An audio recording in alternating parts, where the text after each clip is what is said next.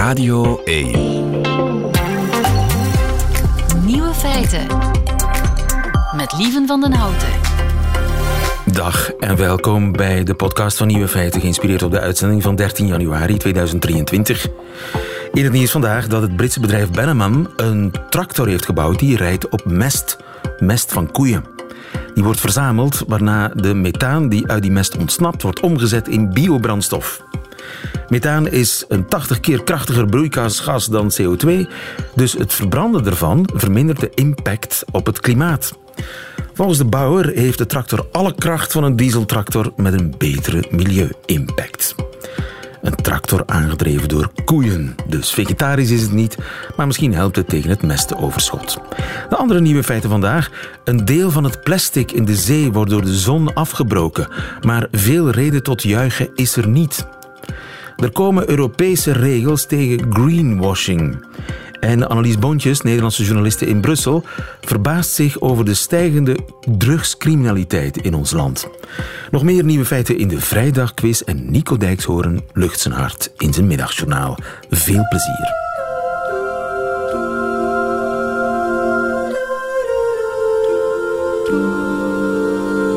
Nieuwe feiten.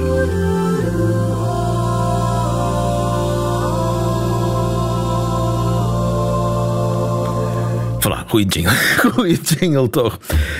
Om maar te zeggen dat een deel van het plastic dat in de oceanen terechtkomt, dankzij de UV-straling van de zon, toch afbreekbaar blijkt.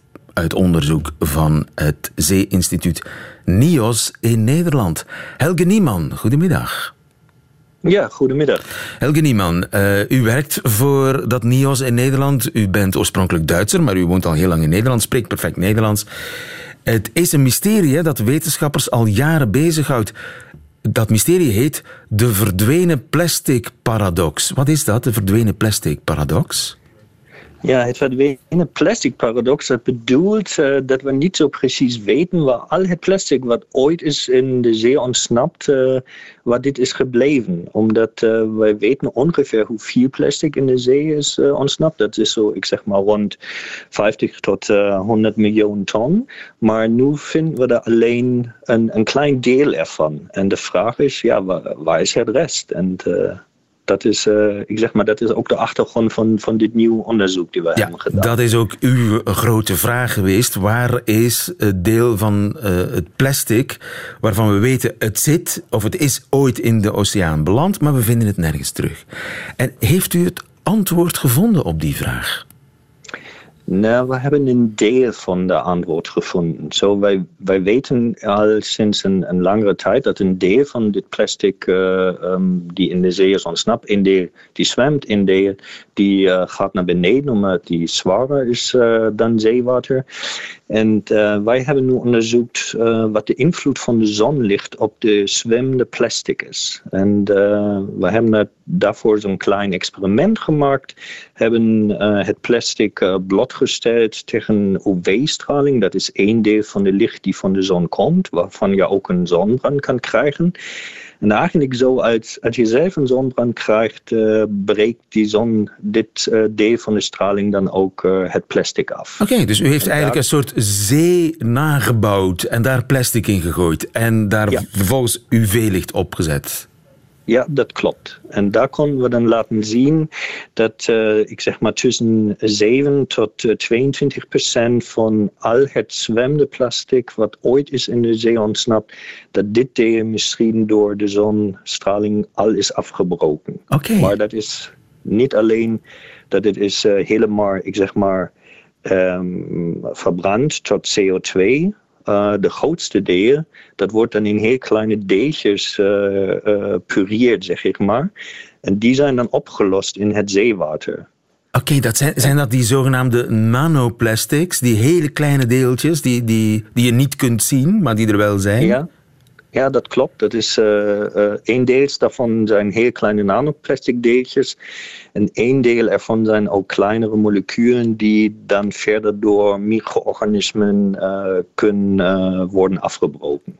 Zo, dit part van de, ik zeg maar, van de mysterie is een goede nieuws. Dat één deel verder wordt afgebroken en één deel is ja, helemaal door de zon uh, verbrand. Maar de nanoplastic deeltjes, dat is, uh, daar hebben we, uh, ja, dat is niet zo leuk. Dat is geen reden tot gejuich. Dus maar dat, dat het, de zon een deel van het plastic verbrandt, dat is goed nieuws.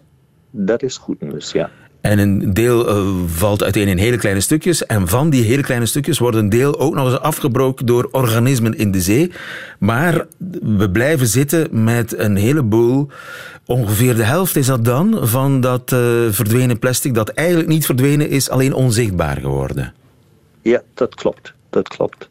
En wij konden eerder in een, in een andere studie laten zien dat er ook heel veel van deze nanoplastic deeltjes in de zee zijn. Zo, we hebben ja. een studie in de, in de Noordzee, of uh, to be precies in de, in de Waddenzee gemaakt. En daar konden we ook laten zien dat, ja, dat er deze nanoplastic deeltjes zijn. Ja, en die worden door vissen opgegeten. Wij eten die vissen weer op, dus dat blijft in de voedselketen. Dat klinkt niet helemaal ongevaarlijk. Dat klopt. Uh, wij weten tot nu nog niet zo precies wat de nanodeeltjes in een organisme, zoals ja, wij zijn ook organismen, wat ze daar doen. Maar er is een aantal aan studies uh, eerder gedaan.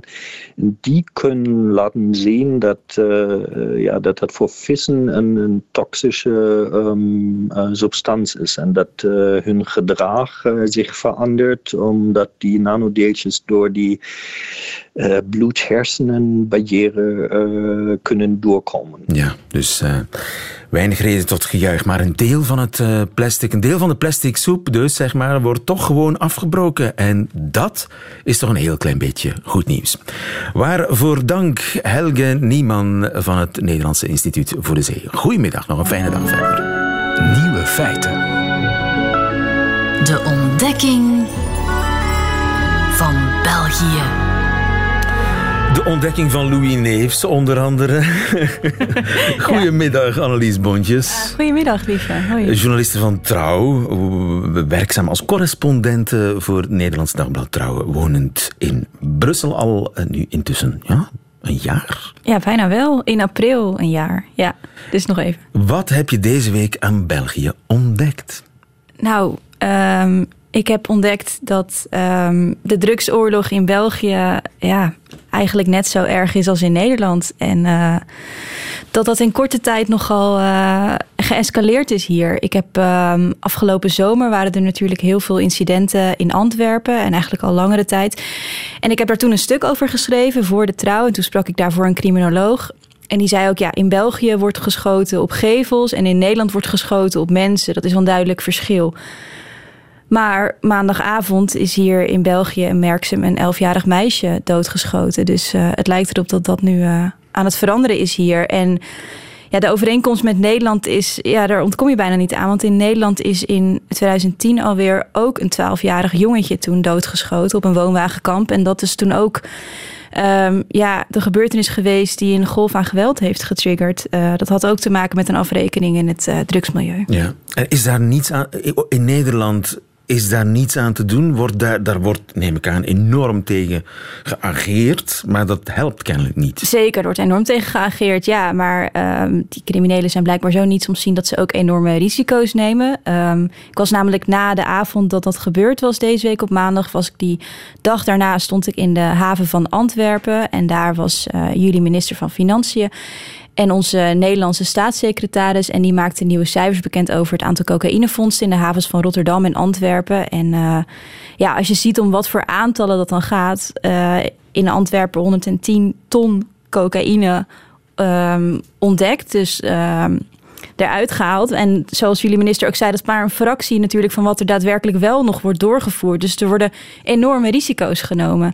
Uh, ja, blijkbaar denken criminelen dat dat kan. Um. Ja, maar is het niet zo dat in Rotterdam de, de drugsvangsten verminderen? Klopt, ja. In Rotterdam was het minder, in Antwerpen was het meer. Je zou kunnen denken, dan verschuift het probleem. Ja. Maar, um, is dat niet wat er aan het gebeuren is? Nou, drugscriminelen zien de haven van Rotterdam en Antwerpen als één terrein. En daardoor zien, um, zeiden de staatssecretaris en de minister, zien zij het ook als één terrein. Dus... Um, ze treden ook samen op, um, Nederland en Rotterdam, in, uh, in het aanpakken hiervan. Um, er wordt nu ook een, um, een analist uit Nederland in de haven van Antwerpen gestationeerd en andersom.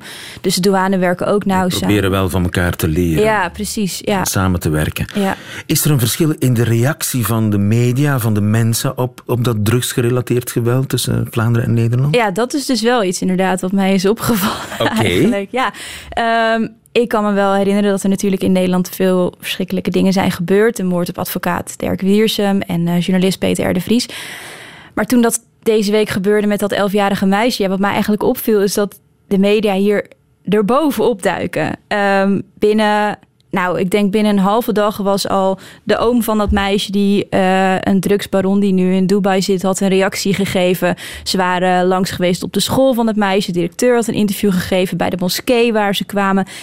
En zelfs de moeder van dat meisje, dus de moeder die net haar elfjarige dochter is verloren. Een compleet onschuldig kind dat is doodgeschoten. Dat gewoon, wat was het, een dag daarna al commentaar geeft. En in een telefoongesprek met nieuwszender VTM, um, huilend, kwam amper uit haar woorden. Ja, Zou ze dat bij Trouw nooit doen? Nou, nee, dat... dat, dat... hele nette kranten overigens. Zelfs binnen het Nederlands perspectief, uh, uh, Nederland, binnen Nederland ja. is, is dat een hele nette krant. Maar je hebt ook de Telegraaf. Zou de Telegraaf dat niet doen? Nou, ik denk het eigenlijk niet. Zeg maar, in Nederland heb je wel um, dat de vrouw van Dirk Wiersum heeft uiteindelijk wel een reactie gegeven. Maar dat was natuurlijk niet meteen de dag daarna al. Dat kwam maanden later. En dan... Als er al wat afstand, als het al wat gesleed was. Maar het leed is zo vers. Ja. De tranen stromen nog. Ja, letterlijk, ja. En dan zitten ze er al bovenop. Daar heb ik me ook wel over verbaasd, moet ik zeggen. Oké. Het verschil tussen Vlaanderen en Nederland is natuurlijk ook een taalkwestie.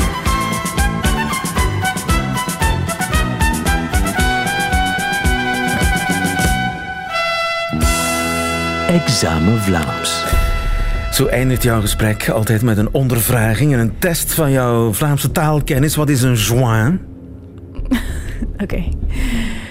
Een joint. Uh, dat klinkt weer. Uh, ja, oh, dat is zeker een. Uh... Is er iemand, nee, nee, nee, nee. Is er iemand hey. jou tips aan het geven? Nee, niemand. Uh, is dat een joint? Dat is een joint. Ja, een joint. Wow. Ja, ja. Een joint. Een joint. Een joint. Een joint. Een joint. Oké. Okay. Want er is een verschil tussen een en ne, maar daar, daar komen we later op terug. Oké. Okay. Um, smoren. Smokkelen? Zal dat dan smokkelen zijn? Druk, druk smoren? drugs smoren is niet drugs zo snel uitgesproken. Sm nee, smoren? Nee, nee. nee. Okay. Uh, smoren is gewoon roken. Oké. Okay. Met name van joints. Ja. Maar in bepaalde delen van het land wordt het gewoon gebruikt voor het roken, roken in het algemeen. Ja. Sigaretten worden ook gesmoord. Soms. Smoren. Smoren. Bollen. En dat zal wel. Uh... Dat is geen, geen werkwoord. Hè. Bollen, het is een meervoudig uh, substant, een meervoud van een substantief. Bollen, één bol, twee bollen. Wat, wat zijn dat? Bollen. Bl blokken cocaïne dan of zo? Je hebt nog een en ander te, te leren, Annelies. bollen zijn pillen. Oh, oké. Okay. Harddrugs in, in pilvorm. Oké, okay. ja, ja, ja. Bollen. Bollen. Oké. Okay. Maar je gaat, uh, het gaat goed. 1 op 3 is al veel in vergelijking met je voorganger. Dankjewel. Sander van Horen, dat was een enorm succes in zijn geval. Tot volgende week. Nieuwe feiten. Radio 1. 100% gerecycled staat er dan op je jeans, maar wie checkt dat? Met volledig natuurlijke ingrediënten staat er op het pakje koeken. Maar klopt dat ook wel? In de helft van de gevallen klopt dat niet. En nu komen er Europese regels tegen wat dan heet greenwashing. Elias van Gool, goedemiddag. Goedemiddag. Elias, jij bent doctoraatsonderzoeker aan de Universiteit van Leuven, gespecialiseerd in onder meer duurzaamheid. Om greenwashing door bedrijven tegen te gaan, werkt de Europese Commissie aan uh, nieuwe regels. Greenwashing is het groener voorstellen dan het is. Dat lijkt dan meer regel dan uitzondering. Ja, dat uh, klopt inderdaad dat er natuurlijk over precieze aantallen, dat zijn altijd uh, inschattingen, maar dat er momenteel op, op uh, markten voor cons consumentengoederen en diensten er ongetwijfeld heel veel beweringen zijn over dat iets uh, ecologisch of in andere zin duurzaam is, die dat op zijn minst misleidend zijn of, of soms gewoon fout. En het klopt dan inderdaad dat de commissie um, nu dan blijkbaar recent een nieuw onderzoek heeft gedaan en dat ze op het percentage van 53 procent, als ik me dan niet vergis, uh, zijn uitgekomen. En dat is in lijn ook met eerdere onderzoeksbevindingen. Um, maar voor alle duidelijkheid, het gaat dan dat uh, een bepaalde claim misleidend is. Um, bijvoorbeeld kan het zijn omdat een bedrijf het onvoldoende hard kan maken. Of dat er een gebrek aan nuance is. Het is niet noodzakelijk dat dan die 53 procent, als dat dan het, uh, het, aandeel is, dat dat allemaal uh, complete, complete leugens zijn. Het is dat er vrij strikte eigenlijk regels zijn om consumenten te beschermen. Um, ook met betrekking tot, die, tot, tot duurzaamheidsclaims. En dat die hoge standaarden wel niet, niet altijd gehaald worden in de ja, praktijk. 53 procent blijft een gigantisch getal. Hè? Mm -hmm. Dat 53 procent van de milieuclaims niet hard gemaakt kunnen worden. Er kan ook niet worden aangetoond dat ze kloppen, maar kan ook niet aangetoond worden dat ze kloppen. Uh, wat is dat dan bijvoorbeeld? Is dat dan 100% natuurlijk of uh, 100% gerecycleerd? Zijn het dat soort claims? Inderdaad, um, maar die claims zijn er in eigenlijk alle maten en vormen. Um, bijvoorbeeld ook um, niet alleen of je t-shirt gerecycleerd katoen is of, of, dat het dan organisch katoen is, dat dan um, op een duurzame manier geteeld is. Of bijvoorbeeld dat uh, je klimaatneutraal of koolstofneutraal, dat men dan meestal naar hetzelfde verwijst, zou kunnen vliegen of tanken. dat zijn allemaal ja, beweringen waarbij bedrijven um, stellen dat, dat de, de, impact op het, op het leefmilieu een bepaald product of dienst beperkt is. Um, andere voorbeelden zijn ook dat ze niet zozeer een specifiek product of dienst als duurzaam in de markt zetten, maar zichzelf als onderneming of brand. En dan zo kan u bijvoorbeeld soms reclame zien dat een bedrijf zich op de borst klopt dat ze beloofd hebben om tegen wel bepaalde datum, vaak 2030 of 2050, um, klimaatneutraal of andere uh, doelstellingen, net zero noemt dat dan vaak, dat is dan de meest verregaande doelstelling, dat te behalen. Maar dat is dan natuurlijk louter een belofte. Ja. Um, en dan nu gaat de commissie ook daarvoor met regels komen dat je zo'n beloftes wel um, objectief en verifieerbaar moet maken en dat er dan ook een onafhankelijk monitoringssysteem moet zijn. En anders mag je niet zomaar een een belofte, want dat, dat kan iedereen natuurlijk uh, zomaar doen, um, de wereld insturen ten opzichte van, uh, van consumenten. Ja. Hoe zit het overigens in België? Dat is, daar is greenwashing is bij ons toch al verboden? Ja, ja dat, dat klopt inderdaad. Dat kan je... In, Greenwashing zelf is geen juridische term, maar er zijn duidelijke consumentenbeschermende regels die dat daar op zich uh, verbieden. En wordt dat um, niet gecontroleerd dan? Ja, daar, daar knelt inderdaad het schoentje, de, de zogenaamde handhaving. Um, eigenlijk die, de voornaamste van die regels, dat zijn de zogenaamde regels over oneerlijke handelspraktijken. Eigenlijk kunnen zowel consumenten en ook collectief consumentenverenigingen, zoals Testaankoop, als concurrenten uh, en ook de overheid daar allemaal tegen optreden. Dus in principe uh, zijn die regels wel potentieel sterk. Er staan daar ook uh, diverse sancties op. Maar in de praktijk uh, knelt inderdaad het schoentje dat zowel bij de overheid als ook denk ik concurrenten die een beetje bang zijn om het echt uh, met een klacht ver te drijven of om een, om een concurrent te dagvaarden, dat die handhaving in de praktijk, dat is vaak zo bij consumentenbeschermende wetgeving, wat de wensen achterlaat. Ja. En ik denk, de commissie komt nu met een heleboel nieuwe regels, maar het belangrijkste gaat denk ik in de praktijk zijn dat um, verschillende actoren, maar dan uiteindelijk de eindverantwoordelijke is dan de overheid en de, uh, de foteconomie, dat zij toch uh, inspanning gaan leveren om uh, de meest duidelijke gevallen van greenwashing echt, echt, echt aan te pakken. Ja, dus het wordt een stuk strenger. Je zal moeten aantonen dat je bewering klopt als bedrijf. Ja, ja. Want inderdaad, zoals u daarnet aangaf, er zijn al regels die dat nu stellen achteraf die oneerlijke handelspraktijk, je mag een consument niet uh, misleiden. Maar nu komt de uh, commissie, en, en, die regels gaan ook nog eens aangescherpt worden, maar nu komt de commissie met een heel pakket, het zogenaamde Green Claims initiatief, um, die eigenlijk preventief aan alle bedrijven gaat opleggen van we hebben het niet over discussies achteraf of iets misleidend is. Nee, vooraf, voordat je die uh, claim maakt, moet je dat kunnen aantonen. En de commissie is al lang bezig. Dat is een vrij complex gegeven met zogenaamde uh, product-ecologische voetafdruk en organisatie-ecologische voetafdruk methodologieën. Dat zijn dus eigenlijk levenscyclusanalyse-methodologieën waarmee hè, bepaalde uh, duurzaamheidskenmerken, dan gaat het toch vooral over ecologische duurzaamheid, um, objectiever uh, gemeten kunnen worden. En dat mm. inderdaad vooraf uw claims daar gaan moeten voldoen.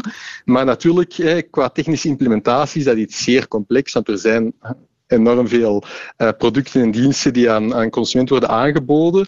En dan gaat men allicht, hè, we zijn hier, ik ben hier in voorwaardelijke wijs aan het spreken, want uh, de het officiële voorstel van de commissie is er nog niet. Het gaat louter over, over wat in de media uh, gelekt mm wordt. Maar um, zou men ook aanvaarden dat als er geen duidelijke uh, product-ecologische voetafdrukmethodologie of de tegenhanger voor diensten is, um, dat dan alternatieven die dat ook door de commissie goedgekeurd zijn, uh, gebruikt kunnen worden. Um, uh, en mogelijk worden die alternatieven ook, uh, sommige van die alternatieven, hoe dan ook aanvaard. Ook al is er die officiële, door, op Europees niveau gecreëerde levenscyclusanalyse. Achterpoortjes, hoor ik u zeggen, er komen achterpoortjes.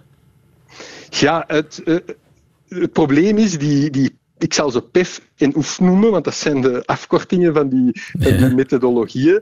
Um, er zijn er, hè, er is al een decennium aan gewerkt, er zijn er nu voor producten 19 en voor diensten 2. Maar dat is wel, hè, die levenscyclusanalyse-methodologie, dat gaat vanaf de grondstof tot wanneer een product wordt weggegooid. Um, alle mogelijke impacten. Um, dat vaststellen en daar uh, een methodologie over ontwikkelen is wel relatief moeilijk. En daarom bestaan ze nog niet voor alles wat er op uh, consumptiemarkten wordt aangeboden. En daarnaast is er ook het, uh, het element, die onderzoeken eigenlijk 16 mogelijke impactcategorieën. Um, Ingewikkeld, wat zeg. vrij ruim is. Maar sommige van impacten, zoals onder meer of iets uh, herbruikbaar of, of, of, of, recycleerbaar is, vallen daar dan buiten. Dus dat gaat nooit een alomvattende ja. oplossing kunnen zijn. Het is eerder een belangrijk hulpmiddel. Oké, okay, maar we leven op hoop. Dankjewel, uh, Elias van Gool. Goedemiddag.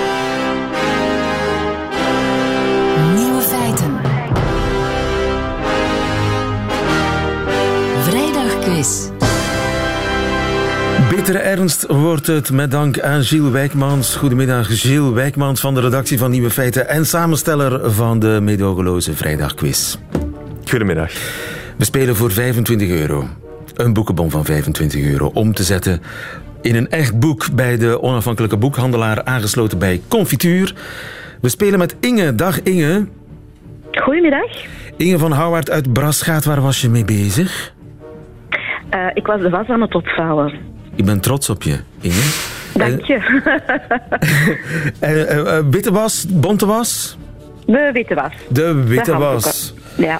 En het, het, het, geeft toch een zekere zen, hè? het geeft rust. Hè? En het, het is ook zo, ja. je, je, je, bent, je voelt jezelf nuttig. Ja, en, het is altijd leuk om propere was in de kast te hebben.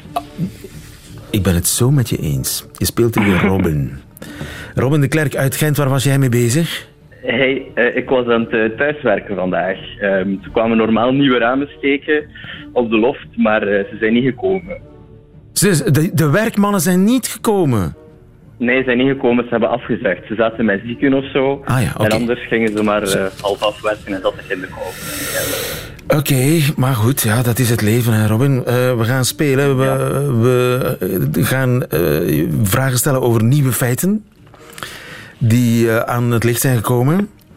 Ik begin bij Inge, die zich eerst heeft gemeld. Zolang Inge juist antwoordt, blijft ze aan de beurt. Bij een fout antwoord gaat de beurt naar Robin. En wie het laatste nieuwe feit goed kent, die wint deze woensdagquiz.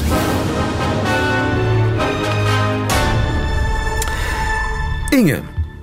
Ja. 2022 was in Denemarken een bijzonder jaar. Waarom? A. Het was het eerste jaar zonder bankovervallen. B. De vrouwelijke nationale voetbalploeg lokte meer supporters dan hun mannelijke collega's. C. Het land werd twaalf keer geraakt door een meteoriet. Ehm, oei, ik denk B. Fout! Robin. Ehm, ik ga voor A. Oh. Dat is helemaal goed. Het werd even heel spannend, helemaal Verkeerde goed. knop, verkeerde knop. Eh, inderdaad. Geen bankovervallen in 2022 in Denemarken. Wauw. Ja, wauw, inderdaad. Je zegt wauw, maar in, twee, in het jaar 2000 waren er nog 221. Eh, sinds 2017 daalde dat gemiddelde naar eh, minder dan 10. En nu dus geen. Wat natuurlijk ligt aan het feit dat mensen, ook Denen, minder cash gebruiken. in de Minder banken, cash. Minder cash in Denemarken is bijna cashloos en dan wordt het een beetje zinloos om een bank te hebben. Het overvallen. zou eh, zeer dom zijn, ja. Robin, vraag 2 is ook voor jou. Een Engels dorpje schrapte het jaarlijkse nieuwjaarsvuurwerk door, voor een walrus die tijdelijk op het strand vlakbij verbleef. Hoe bedankte de walrus de gemeente? A. Net om middernacht begon hij te zingen. B. Hij ving vissen en gaf die vissen aan strandgangers. Gilles. Gilles st- stelt de, diverse vragen. sa- C. Hij masturbeerde en vertrok nog voor het vuurwerk zou beginnen. Robin. Ehm, ik, ga C, ik ga C pakken, want dat is het leukste. Dat is helemaal goed. Inderdaad. En dat had ik ook nooit zelf kunnen verzinnen, denk ik. Tuurlijk niet, Gilles. Nee, nee, maar het is eh, echt gebeurd. Eh, op 30 december landde een walrus op de kust van het Engelse stadje Scarborough. En uit respect voor die walrus, eh, om die geen stress te geven, besliste de gemeenteraad: we gaan het jaarlijkse vuurwerk dit jaar schrappen. Mooi. En dat dier had dus effectief geen stress, want eh, op 31 december begon hij plots met zijn flipper over zijn erectie van 60 centimeter te wrijven, waarna hij vertrok nog voor middernacht, dus nog voor het vuurwerk effectief zou beginnen. Ik heb die 60 centimeter zo gehoord, Gilles. ik heb er deze ochtend een filmpje van gezien, dus ik ben blij dat het eh, overkwam, auditief gewijs. Gilles, ik zit hier te knokken tegen een orgasme. Eh, als walrussen met 60 centimeter het voor u doen, lieve, dan eh, Ja, zo, ik, zo erg is het ben ik met mij trots op jou. Robin, Robin, Robin, Robin. We houden het hoofd koel. Vraag 3. Ja. Welke hond is de slimste ter wereld? De slimste hond ter wereld is A. De Pekinees. B. De Mechelse herder. C. De Jack Russell. Eh, ik denk dat ik het gehoord heb en denk dat B is. Dat is helemaal goed. Helemaal goed. Gilles? 13 rassen werden onderzocht, 1000 exemplaren in totaal. Eh, en die honden moesten verschillende cognitieve testen doen, als in van hoe goed verstaan ze menselijke gebaren, noem maar op, een paar ruimtelijke testen ook. En dan bleek de Mechelse herder het beste te scoren op al die testen. Bijvoorbeeld een golden retriever was beter in het interpreteren van eh, menselijke gebaren, maar Mechelse herders zijn dus zeer intelligent. Wat verklaart dat ze ook deelnamen aan de raid op eh, het gebouw waar Osama Bin Laden ook verbleef. Oké. Nieuw onderzoek, dus eh, het is nu wetenschappelijk aangetoond. De Mechelse herder is de slimste hond ter wereld. Vraag 4. Robin, cruciale vraag. Als je die goed hebt, win je deze quiz. Ja, ja, ja, ja. Dubai heeft een wet aangepast om het land aantrekkelijker te maken voor buitenlanders. Wat is er veranderd in Dubai? A. Alcohol werd goedkoper.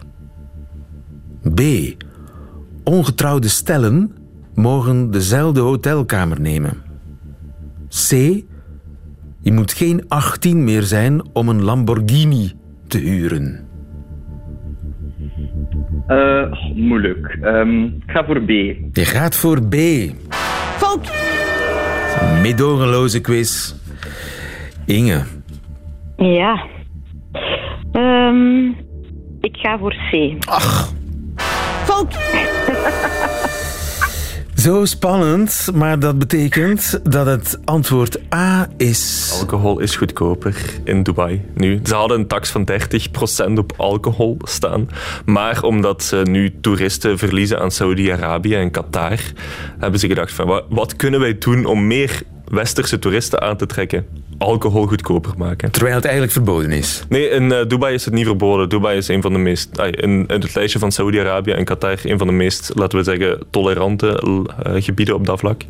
Dus het was niet illegaal, het was gewoon duur. 15 euro voor een halve liter bier. Maar dat zal nu dus minder zijn. Oké, okay. geen van onze twee kandidaten wisten het. Dat betekent dat de kandidaat die het laatste goede antwoord heeft gegeven is Robin. Yes.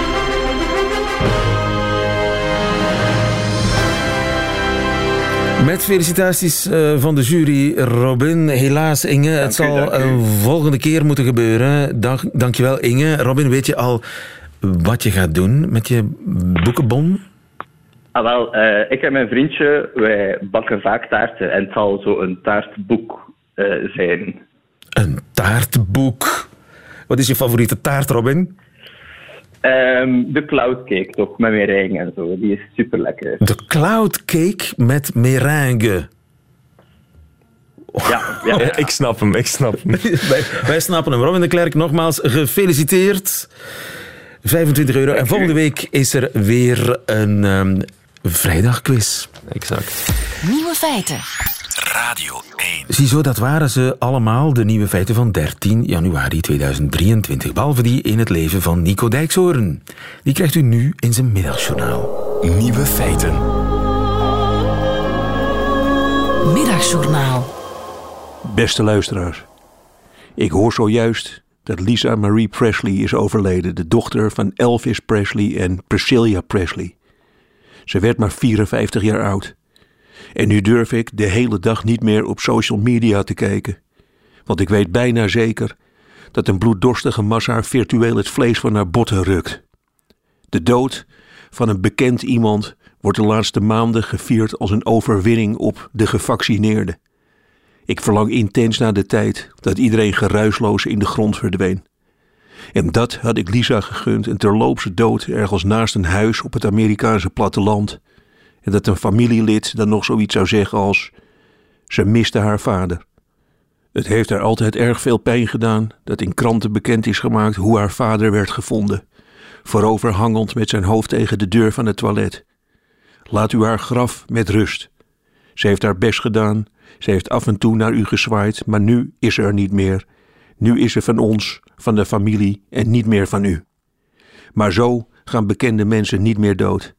Ze worden dagenlang door miljoenen mensen op Twitter en Facebook en Instagram virtueel door de straten gedragen en alle kanten besnuffeld en bekeken. In het geval van Lisa Marie Presley zal het weer vooral over haar vader gaan, hoeveel hij van haar hield en hoe weinig tijd hij voor haar had. Alle ongevaccineerden die vandaag juichend melden dat het toch wel opvallend is dat er opeens allerlei mensen doodgaan, die gun ik graag beroemdheid. Wat zou het heerlijk zijn als complotdenkers opeens niet meer anoniem hun plasje kunnen doen over een nog warm lijk, maar opeens zelf met hun kop vol in het licht staan. Als een ongevaccineerde jong sterft, dan voel ik nooit de neiging om op internet te schrijven net goed eigen schuld. Ik denk aan hun vader en moeder, aan hun kinderen en aan de uitvaart, waarin mooie dingen zullen worden gezegd over hun geliefde. Dingen als papa was dol op mama. Hij maakte iedere eerste maandag van de maand haar favoriete gerecht klaar. En dat de mensen vlak voor de kist dan zachtjes grommen of huilen. Zo'n uitvaart gun ik Lisa Marie Presley. Heel ver weg van de gekkies die haar dood als een overwinning zien op de wetenschap. Ik hoop dat een oom van Lisa zal spreken en zal zeggen: Ze was niet de dochter van, ze was Lisa. Haar vader zong verdienstelijk.